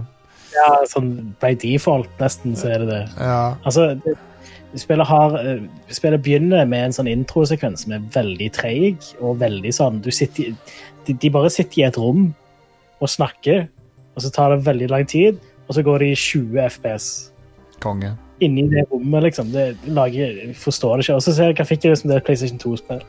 Og måten det er koda på, òg, så føles det veldig som et PlayStation 2-spill. Det er sprøtt. Men det kan du jo si om uh, ene òg, Deadly Premonition. På Xbox 360 så føltes jo det òg som et sånn double A PlayStation 2-spill fra Japan. Bare det var på en Xbox 360. Ja. Altså, han Hovedpersonen er jo en litt sånn Litt douche, lovable, men litt sånn Han har ikke helt antennene på plass, Nei, men han er allikevel en, en så uh, Han er veldig positiv, da. og Ja. eh, er veldig sjarmerende, så du på en måte Han er en douchebag på en ikke så veldig douchebag-måte. Ja, jeg skjønner. Um, men jeg liker veldig godt han hovedpersonen, da, fordi alle, alle de samtalene hans er helt absurde, Ja. men ja. Men det er jo uh, Men altså, spillet er uspillbart, nesten. Ja, pretty much. Det er sånn, Med en gang kommer ut, i, ut av hotellet i begynnelsen, så Ja. bare dropper framen helt ekstremt. Og så er det, Og hvorfor er det styggere enn eneren? Det har jeg òg lurt på når jeg ser på det. Eh, ja, jeg vet ikke. Det ser jo verre ut, syns jeg personlig. Jeg syns ikke det. Jeg syns det ser like ille ut, sånn sett. Ja, Kanskje det er fordi det har gått Kreven ser bedre ut i dette enn Ja. det de gjorde i en. Ja, ok, ok. Men, Det este litt bedre animert. men estetikken er jo ikke bra. Nei, ikke i det hele tatt. Og, og teksturen er sånn PlayStation 2-level-teksturer, liksom. Ja. Det, det ser ikke bra ut. Uh, Swery. Men Swery er en sånn fyr som jeg, jeg vet ikke hvor, hvilke av tingene er gjort med vilje dårlig, og hvilke av tingene er bare inkompetent dårlig. Ja, altså, dette med frameraten er jo det, det er ikke med vilje. Nei, det er ikke med vilje. Det er det ikke. Uh, Deadly Premonition på Xbox 360 var solid 30 FPS. Det kjørte helt greit. Ja. Uh, det er de andre versjonene som har ujevn og dårlig frame. PlayStation 3-versjonen og Switch-versjonen. Stemmer. Uh, men Xbox 360-versjonen var helt konge, den. Okay. Så de de må fikse frameraten på Switch-versjonen på toen. Uh, de må gjøre noe med det. Det er sånn, om innendørs så er det sånn, ja, ok, dette var smooth, nå er det nesten 30 FPS. Liksom. Når du går inn i en bygning, og så kommer du ut, og så setter du deg på skateboardet, og så hitcher det hele tida og kjører, går ned i Det dropper av og til ned i sånn under 10 FPS. Men han har Han, han har skateboard fordi noen tok bilen hans, var det sånn? Ja, stemmer. Så teit. Altså, alt, alle dialogene og sånt, det, er- det er veldig tørt. ja.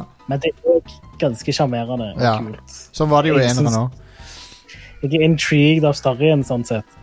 Men jeg, jeg har lyst til å vente med å spille mer- mer på det til de fikser det med en patch. Ja. Men så er det òg Altså, det føles veldig som et 15 år gammelt janky spill. Det sånn sånne ting, sånn som Mens du skater, så begynner gjerne han eh, hovedpersonen å ha en eller annen sånn monolog hvor han snakker med Zack, Yep. uh, som er en annen sånn stemme han har i hodet sitt. Det er Men hvis du basically bestemmer deg for at ja, ok, nå er jeg ferdig å skate, så hopper du av skateboardet, så avbryter det den samtalen. Så du går på en måte inn i en annen modus da. Så, så, Oh, måten wow. populært, på, er veldig sånn det åpenbart ikke polert. Det er skrudd sammen. Det er liksom, du, du Ja. kan se sømmene noe voldsomt. Ja, absolutt. Jeg, Jeg likte alltid eneren når du har sånne lange samtaler med Zack om, om film og sånn. Ja, det er mye det- her. Det er jo ikke samtaler, da. Det er jo bare Han, han snakker jo bare til seg sjøl. Prologer. Ja, Men ja, det liksom Han snakker om sånn filmer han leide på 80-tallet og sånn. Har ingenting med storyen å gjøre. Så uh, det jeg vil si om spillet, er at uh, Vent til de fikser det. Ja. Og akkurat nå har det uh, sånn frameraten til et Nintendo 64-spill, og enda verre enn det òg, til og med. Oh. Og uh, loading-tidene og sånt til et PlayStation 1-spill. ja, det, det er det vi kaller the best of both worlds av uh, Good lord. Det, det er til og med sånn at loading-skjermen hakker. Wow.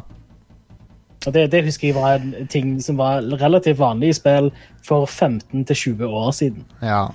Det har liksom ikke vært en ting siden ja, De, de fiksa vel det på sånn 360-generasjon og sånt. Da begynte de å kutte ut det. The fuck, man. Så ja. eh, Herregud. Ja, ja, det Jeg forventa jo at dette spillet skulle være janky, da. Men uh, borderline uh, uspillbart trodde jeg ikke det skulle være. Men det uh, er uspillbart. Det, det er så shitty. Men de har sagt vent på en patch, eventuelt. ok. De har sagt at de skal fikse det. de har det, ja. Ja, men det er bra. Kanskje de burde fikse det før de ga ut spillet. Kanskje det hadde vært en idé, ja. Um,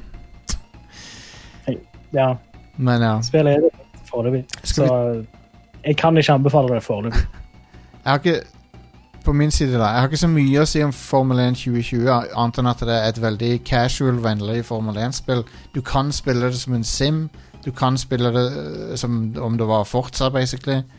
Uh, for det er to moduser, så du kan velge sånn ca casual noob mode, som jeg gjør. Og da, og da blir det ikke en sim lenger, da blir det mye lettere å styre. Uh, og det er et veldig kult Formel 1-spill hvis du liker Formel 1. Ting som sier vrom, vrom.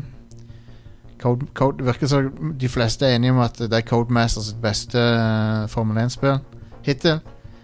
Nice. Jeg har ikke så mye peiling på det sånn, sånn sett, men jeg, jeg- liker det veldig godt så langt. Og det er veldig lekkert. Og. Jeg har ikke så mye mer å si om det enn det, men det, jeg, vil si Formel 1 2020 det, det når, Som ren casual uh, observer av eh, Formel 1-greiene, så, så syns jeg det er veldig stilig. Og eh, jeg liker å spille godt. Uh, Ingvild, du hadde noen greier på uh, tapetet, plakaten? Ja, eh, tidligere i vår og sommer når jeg har vært med, så har jeg snakka om en del spill som jeg ikke har spilt ferdig. Eh, så jeg endelig har fått litt has på. Nice. Eh, for eksempel Resident Evil 2 Remake, som skremte meg så mye at jeg ikke turte å spille mer. Men nå har jeg spilt det ferdig. Nice. Det var kjempegøy. Eh, og veldig stressende av og til, men veldig bra. Konge. Eh, og så har jeg spilt ferdig Final Fantasy 7 Remake. Ah, ja. Oh, ja. Nice. Altså, uten å spoile noe, hva syns du om måten de runder den av på? Nei, jeg har ikke spilt det første, altså, eller det første, sier jeg, men originalen. da. Ja, ok. Eh, så for meg så var det en clean slate-opplevelse. Ja. Eh, men jeg likte det veldig godt, selv om eh, jeg syns det var ganske padded. ja. Det er mye springing opp og ned trapper og stiger og sånn. Det er, en Men, del, eh, det er en del av det, ja. men det klarer å sjarmere seg litt ut av det, på en måte. Ja, enig. Ja. Så jeg gleder meg egentlig til neste episode kommer om noen år. Eller hva det blir. Ah, Jesus. Men det, jeg likte det at, det at nå Selv hardcore-fansen vet ikke helt hva som kommer nå. Og det er kult. Nei. Ja, det er egentlig litt kult, da. Eh, og så platinum jeg Dragon Quest Builders 2. Eh, bare fordi jeg var så nært å gjøre det, så var jeg sånn Hekk, det er ganske gøy å spille det, egentlig. Du uh, har min respekt for det. Det er faen meg Men det er et kongespill, da, men jeg, har, jeg er i nærheten av platinum med det. Men, uh, Men hvis du har gjort campaignen i det spillet, den er jo rimelig lang. han er det. Da får du gjort ganske mye av trophyene, Ja, okay. egentlig. Ja. Det er jo et, et utrolig koselig og sjarmerende spill. Ja, jeg anbefaler det. Det er på Steam også nå. Eh, Nice. Så hvis en har en litt sånn Minecraft, Stardew Valley-tørke eh, av den typen spill, så spiller Dragon Quest Builders 2. Ja, jeg er Um, helt enig. Og eh, for min del likte jeg det bedre enn Minecraft fordi det har en story som er litt sånn du kan følge med på. Ja. Den er, og den er ganske sjarmerende, Den er det. den storyen. Han er det. Og nå spiller jeg et spill som heter If Found, eh, som er et eh, narrativt spill som egentlig Det er vel et av de større indiespillene i år, på en måte, som eh, jeg tror kommer til å være med i litt Game of the Year-diskusjoner. Oh, Eh, For det er ganske originalt i art direction og gjør litt nye ting med gameplay og sånn. Eh, Men det er et klassisk sånn eh, Life is Strange-inspirert eh, coming of age-historie. tøft. Ja, så også på Steam. Så det driver jeg på med nå, da. Og så blir det Paper Mario til helga.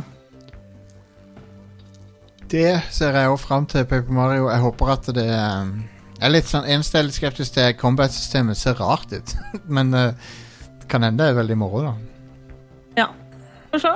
Mm. Det ser veldig annerledes ut enn de forrige i serien. Um, men, uh, men ja. Jeg prøver de der å si at uh, i det spillet at uh, sånn uh, origami er, er ond, on ting å holde på med. Siden alle skurkene er origami. Det er ikke sånn bretting som er akseptabelt. Origami, det var gaming for 200 år siden. Det var det. Ekte Ja, game. du, det tok deg bort ifra å øve på å spille fiolin og sånn. Gjøre nyttige ting. Det er sikkert det, det, det som er forklaringa. Ja. Og hvis du, hvis du uh, Nei, jeg har ikke noe bedre sammenligninger enn det. Men, uh, men kult. Um, jeg er litt misunnelig på deg som har runda Dragon Quest Builders 2. Jeg må prøve å gjøre det, jeg også, for jeg likte det så godt.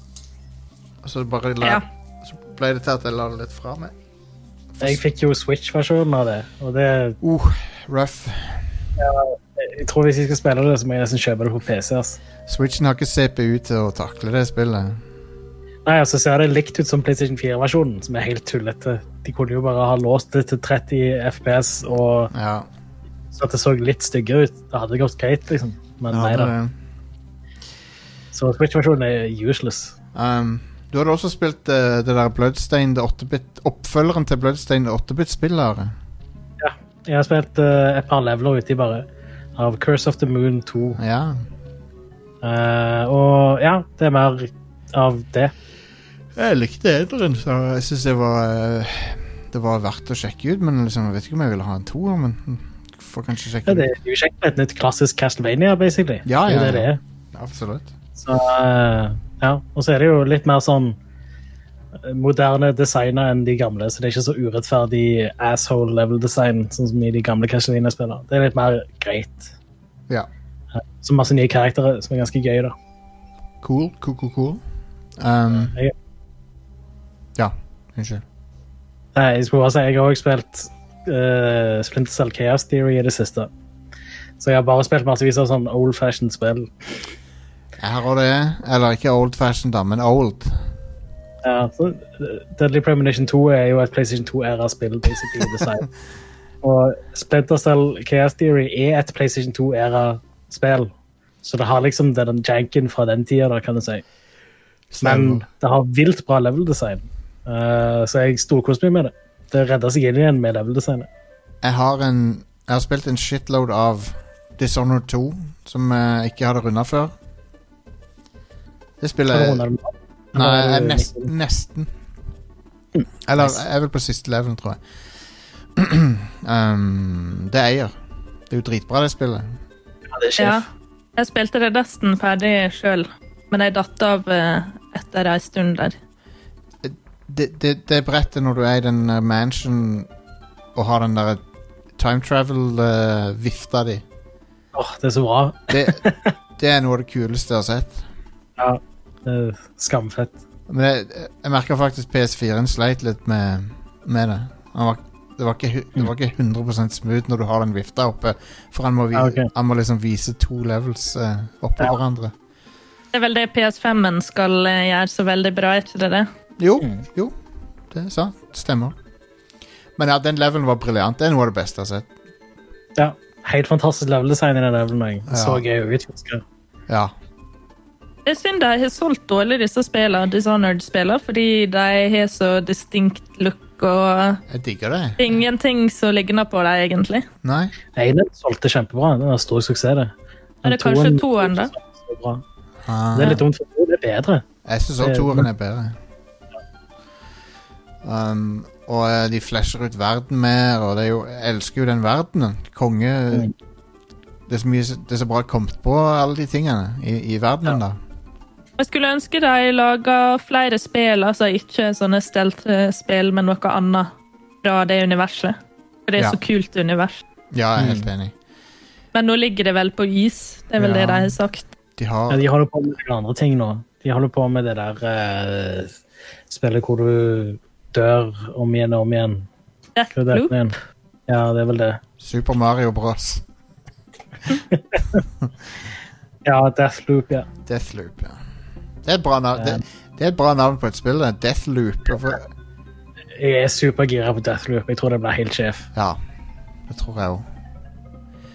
Nei, så, jeg visste ikke at Dishonored 2 solgte dårlig. jeg. Um, det, det er jo dumt å høre, da. Jeg, jeg, jeg kjøpte det jo når det var nytt. Jeg tror nok de tjente penger på det, sånn sett. Men tingen er at det er ganske mye effort å lage spill av den stilen, og så selger det ikke så bra som i forhold til hvor mye effort det er, da. Men sånn, når du, når du står på den båten din og så ser ut på byen, og sånn, det ser jo amazing ut. Mm. For en, for en kul location denne Karnaka. Ja. Ja, Det er så godt kommet på. Det er sånn Stilen på det er sånn eh, Den er litt europeisk og litt den er Litt sånn middelhavseuropeisk, men han har sånn unik stil. Elsker det.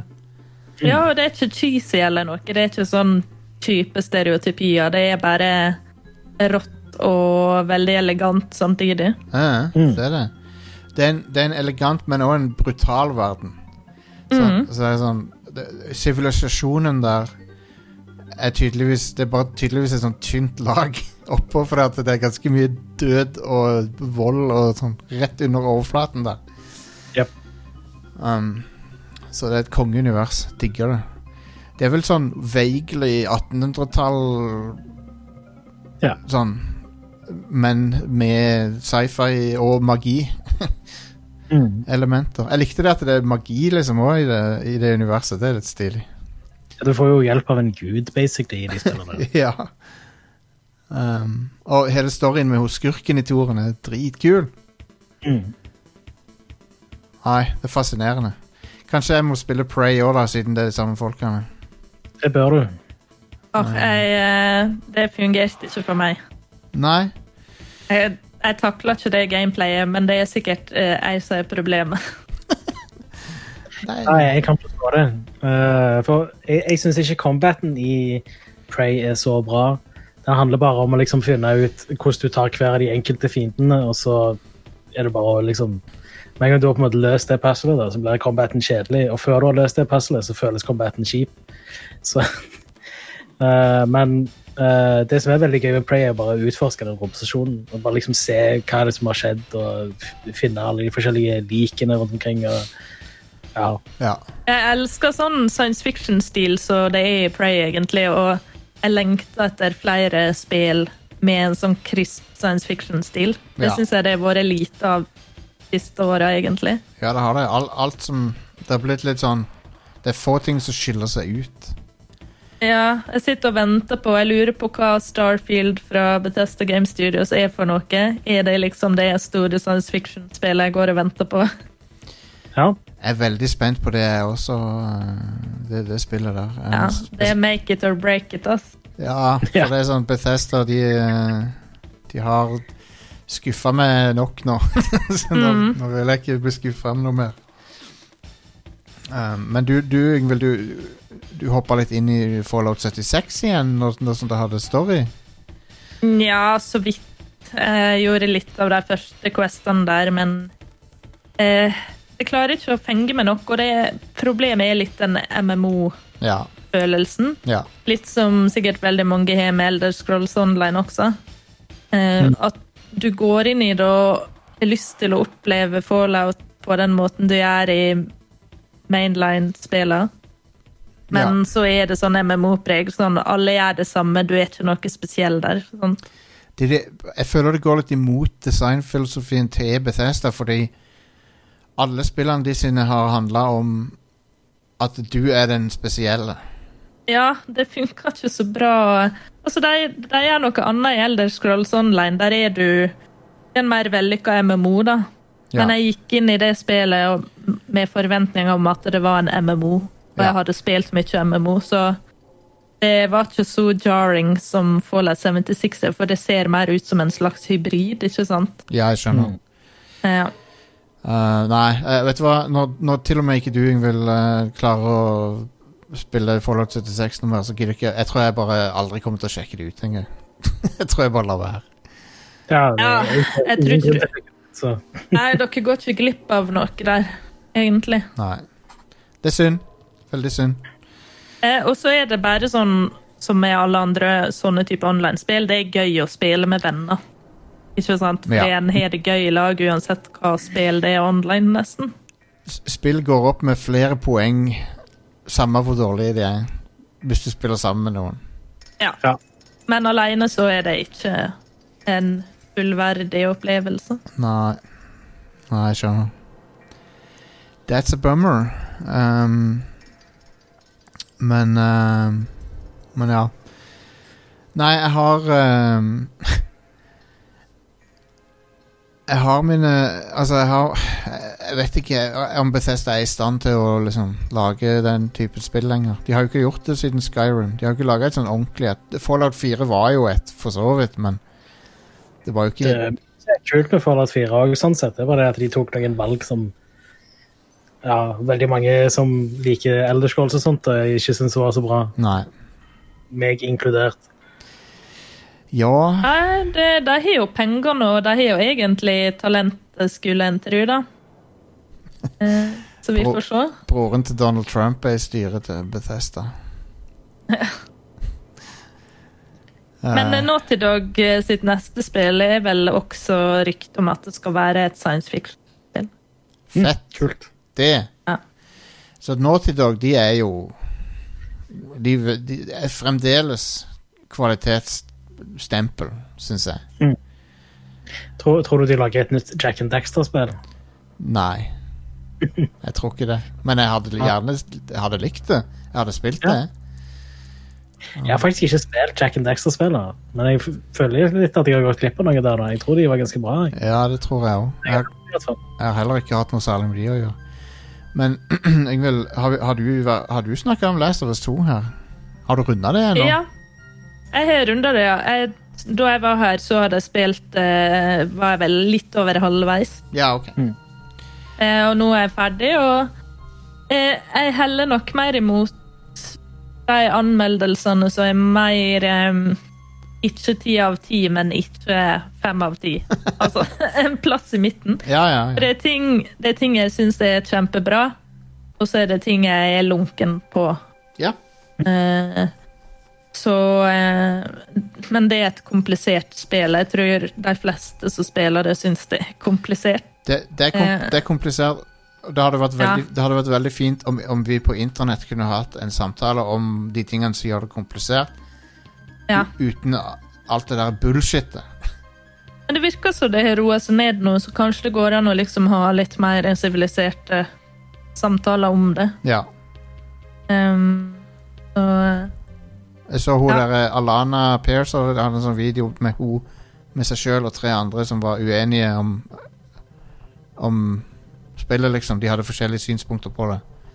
mm. Og det, det, det må jeg få sett, for det virker interessant. Ja, jeg syns det er kjempekult at folk har så ulike opplevelser. Og at det er mange som ikke er bare helt eh, nasegrus eh, Hva jeg skal si beundring for, Nei. For spillet, da. Fordi det er ting i det jeg ikke Eller ja, jeg har så lyst til å diskutere det litt skikkelig. Ja. Ja. Jeg også, kanskje vi burde gjøre det en gang. Ja. Ha spoilercast eller noe. Ja, vi, Mm. Kanskje vi bør gjøre det i nær framtid, da. Ja. Um, for det, ja, jeg har veldig lyst Jeg, jeg, jeg føler ikke at jeg har snakka ferdig om det. Så Du hadde vel ikke runda det Nei. når vi pause fra podkasten. Nei, jeg, jeg runda det i pausen, liksom. Ja. Ja, altså, jeg, jeg, jeg, jeg syns det var fantastisk, men jeg kan, jeg kan lett skjønne at eh, At det er ting i storyen og Og kanskje òg ting i spill selve spillet som folk ikke er fan av. Mm. Um, jeg var overraska når spillet i en scene ble 100 Resident Evil. det det forventa jeg ikke. Ja, ja. Uh, men akkurat den sekvensen uh, likte jeg òg, egentlig. Men han var forferdelig skummel. Ja, konge. Skje. Ja. da jeg frika ut. Det var superekkelt. Dødsbra. Ja, det var, det var noe som du ikke forventer fra Naughty dag. Det var liksom Mm. det var stilig. Men um, Men jeg, jeg likte spillet kjempegodt. Jeg, in, inkludert story, eh, storyen og slutten og alt. Jeg syns det var veldig bra, men eh, eh, Og faktisk, det jeg kan si, da, er at uh, etter eneren så tenkte jeg ok, de trenger ikke å lage oppfølger til dette. Men etter toeren så tenker jeg ok, jeg, kan, jeg, vil se, jeg vil se hva som skjer nå. Ja. Faktisk. De, de er sequel betas, rett og slett. Ja, for det, eneren tenkte jeg så det var en perfekt slutt. Men nå er det sånn, nå er det sånn Nei. nå- jeg, ikke, nå har jeg lyst til å få se hva som skjer etter dette igjen, liksom. Mm. De har vel sagt at det, de skal ikke lage mer Uncharted, men eh, Last of Us er vel åpent. Det kommer mer Uncharted, og det kommer til å ha dattera til Nathan Drake i hovedrollen. Ja, de har jo hinta om det, da, men Ja. jeg tipper at det ligger ganske langt frem i tid. Ja, det gjør det nok. Men P PS5, kanskje. Kanskje en gang på PS5. Ja, kanskje. Um, det Ja. Men nei, nei, Last of Us 2, jeg syns det var det, det er så mange minneverdige sekvenser i det, syns jeg. Ja, og eh, så syns jeg også det er kult å bli overraska med noen grep de gjør. Ja. Fordi jeg er så vant med en formel på sånne narrative actionspill nå. Ja. Jeg sitter liksom bare og venter på de samme tinga, og plutselig så bare subverter de mine forventninger, og det var veldig gøy. Absolutt. Ja, Um, Jeg har jo spilt gjennom spillet to ganger nå. oh, wow. Eh, ja, fordi jeg spilte jo gjennom det før det kom ut. Ja. Så tok meg og Stian og livestreama Ja, ja, ja. Selvfølgelig. Og jeg satte litt mer pris på storyen andre gangen igjennom, faktisk. Nice. Så, uh, slutten var litt bedre etter å ha på en måte fått en til gjennomgang, da. Jeg synes Gameplay-messig, det siste kapitlet er bare sånn rent, Det du gjør gameplay-messig i det siste kapitlet, det er amazing. Jeg elsker det kapitlet. Mm. Det var så gøy, gøy combat. Men det er jo litt av issue til spillet, er at combaten er sykt gøy, Ja. mens jeg spiller sånn Nei, ikke ha det gøy. ikke, ikke ha det gøy med dette spillet. Men det er drit.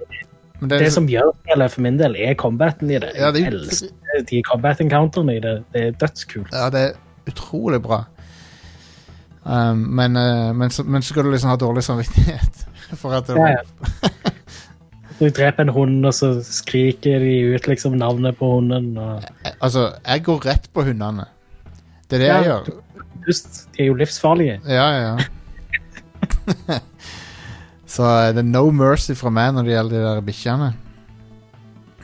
Sånn, sånn er det bare. Ja. Men ja, jeg er spent på hva som skjer videre i det universet, faktisk. For det er sånn det, det, det, det var gøy å se en annen del av USA uh, Hvordan det hadde blitt påvirka av Eller de, de andre delene av USA som du får se i dette spillet. Det var veldig fascinerende å se de ulike reaksjonene de har hatt på, eh, på uh, infeksjonen. Mm. Og, og infrastrukturen og sånn. Åssen myndighetene har reagert forskjellig i statene og sånn. Det var kult. Ja, og så ser en at det det er faktisk litt virkelighetsnært Ja. eh, med de opplevelsene vi har nå for tida med pandemi. ja Så er ikke det så utenkelig at det, det som er Fedra, eller FIMA, hadde det vært i USA, da, altså staten, at den eh, plutselig blir ganske eh, kontrollerende, og at det bryter fri rebels fra, det, fra Ja. statens klamme grep igjen. Ja, ja, ja. Nei, jeg må innrømme det at det, det, det, er jo, eller det er umulig å spille det uten å tenke på det som skjer i verden nå. ja. Um, Eh, og det er vel noe Watchdog Legions kommer til å slite med. ja, og det er det det, det, det, som gjør meg litt sånn skeptisk til Watchdogs uh, 3, er at uh, jeg stoler ikke helt på at Ubisoft kan gjøre det. For at de har aldri vist meg før at de kan gjøre noe sånn være relevant, Ha noe relevant samfunnskommentar eller noe sånt noe. Men der er en um, spilljournalist jeg stoler veldig på. Han er brite. Ja, ok. uh, og han er ganske sånn level-headed. Og han hadde spilt eh, det nye Watchdog-spillet, og han eh, syns det fungerte. Ok, kult. Og da tenkte jeg OK, kanskje de klarer det likevel, da. Det, men sånn hver eneste gang de får sjansen, så, så nekter de for at uh, At det er noe politisk innhold i spillene sine. Ja, ja, de, de prøver veldig hardt å eh, si at det, ja, det er ikke politisk, og så pleier de ofte å spille det ganske safe òg, da, sånn sett. Altså, de hinter til ting, liksom, og så bare gjør de ingenting ut av det. Det er sånn Far Cry 5 er den verste av dem. For at der, der, der er det sånn Skurkene er basically sånn KKK-folk. Mm. Men de tar vekk alt Liksom De bare, de bare bruker symbolikken og Og uh, liksom De ser ut som sånne sørstats crazy sørstatsrasister, sånn, men det, de tar ut alt annet enn Det er bare looken som de beholder for at det skal ha sånn sjokkfaktor, men så er det ikke noe historien som har noe med det å gjøre. Så det er sånn, de feiger ut veldig, syns jeg. Mm. Men, så, men så har du liksom Rockstar som putter Putter hardcore ting inn i Red, Red Dead Redemption 2, liksom. Der er det jo der, der tar de det litt mer alvorlig, på en måte. Ja. Men hvis, jeg håper at Watchdogs 3 blir bra. Det, det har Det er en fascinerende setting og re, bør være tidsrelevant. Ja, Og jeg, Mhm. jeg syns ideen bak det er veldig kul. Ja. Jeg tror jeg sa det tidligere i dag, men ja. Jeg, jeg, bare det at du kan liksom uh, rekruttere hvem som helst på gata, og at du da har forskjellige sånne character classes uh, som Ja, det uh, Jeg tror det kan bli ganske gøy, da. Ja. Men dere, vi nærmer oss sikkert slutten her. Mm. Men det jeg, Yes. vil, det jeg vil si var og det, jeg, jeg, jeg, ville spørre dere om det òg, for at jeg var inne på det litt på Level Up i dag. Og det var Cyberpunk. Det, det, ser jo, det ser jo fantastisk ut, og det ser nesten sånn ut at du, du skjønner liksom ikke helt åssen åssen kan det være et spill, liksom. For det, det virker så open-ended og crazy mye du kan gjøre i det. Veldig sånn bra realisert verden og sånn. Det jeg lurer på med Cyberpunk, er hvor mange timer uti begynner du å se liksom sømmene og tenke å ja, det er et spill allikevel, liksom. Sånn, Det er Fem timer uti, tipper jeg. ja. For at før eller siden så mister du sikkert wow-faktoren dette gangen, og så, og, så, og så ser du OK, det er faktisk et, det er et spill.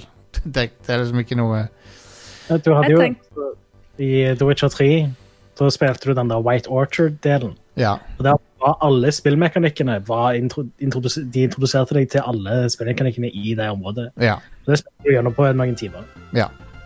Sant. Så jeg vil tippe det er sikkert noe tilsvarende her. da. De bruker litt tid på å innføre deg i mekanikkene, og så lar de deg gå fri. da. Slipper deg ut i den store åpne verdenen. Ja. Hva er det du sa, Ingvild? Nei, jeg bare Jeg er ganske flink til å ignorere sånne ting. Eh, eller jeg tenker ikke så mye over det når jeg spiller, for det var noen som påpekte til meg at eh, de ikke klarte helt å spille Last of Us 2 fordi de får ludonarrativ dissonans. Oh, ja. Eh, og det kan f.eks. være at eh, eh, du syns det er vanskelig å tro på historier eller karakterene fordi det er så tydelig et spill. Sånn som når du tenner på en Molotov-cocktail, og så putter du den tilbake igjen i lomma di med den renner. Og så har det null konsekvens, ikke sant? Eller at Ja. du har uendelig inventory, eller sånne type ting der det bare er sånn Oi, nå ble jeg dratt rett ut av illusjonen her. Men jeg er ganske immun Ja. imot sånne ting, så jeg tror nok jeg klarer å leve meg veldig inn i den cyberpunk-verdenen. Å, ja, ja, ja. Eh, Det, det tror jeg også sikkert får til, men for meg så Jeg ser sømmene, men- men for meg så gjør det meg ikke noe. Jeg bare syns det er interessant. Um, og det kan være en veldig stor fordel å ha det mer kritiske blikket, altså legge, til de, eh, legge merke til de detaljene og sånn. det er akkurat som jeg, Eh. jeg, jeg, jeg hører bevisst all musikken i filmer. Fordi at jeg er så interessert i filmmusikk, så har hjernen min bare blitt rewired, sånn at jeg alltid legger merke til musikken i filmer. Ja, det er Eh. kanskje en fordel å ikke ha bakgrunn som spillutvikler, eller å ikke ha vært involvert i hvordan pølser blir laga. Ja. For jeg har ikke vært det, så jeg tror jeg er mer lettlurt. ja. Jeg lurer på Nei, men Jeg, bare- jeg syns sånne ting er interessant, men, jeg, men det plager meg aldri. Jeg, jeg, liker, jeg bare liker å se tingene, så Ja, jeg òg syns det, jeg det er gøy å liksom se hvordan et spill er satt sammen. på en måte. ja. Og se, når jeg kan se sømmene, så forteller det på en måte litt mer om spillet. ja. Ser hva de har prioritert og nedprioritert og um, Men jeg kan fint leve meg inn i Cyberpunk for det, liksom. Jeg levde jo meg inn i Mass Effect veldig, og selv om jeg, det er jo veldig et spill, på en måte. Jeg syns det alltid er interessant å se eh, hvordan de eh, stopper deg fra å gå videre. Altså det at du ikke kan gå over en vegg eller åpne ei dør og sånn. Ja. Mm. Eh, den følelsen du kan få da. For i Last of Us 2 så syns jeg de hadde løst det veldig godt med at eh, naturen der er så overgrodd at du bare er sånn jeg, jeg klarer ikke å klatre over den containeren her, for det er så masse kratt. Så der stopper veggen, på en måte, Ja. og det er helt greit. Så det er mye bedre enn den verste sånn usynlige veggen ever er i Bionic Commando fra 2009. Um, det var forferdelig. Rad-veggene, basically. Ja, radioaktive sånne skyer som, for, for some fucking reason var der. Som bare insta drepte deg. Um, men ok, takk for, uh, takk for showet, folkens. Det var, jeg, det var, jeg hadde det kjempegøy i dag. Jeg vet ikke hvordan det er med dere.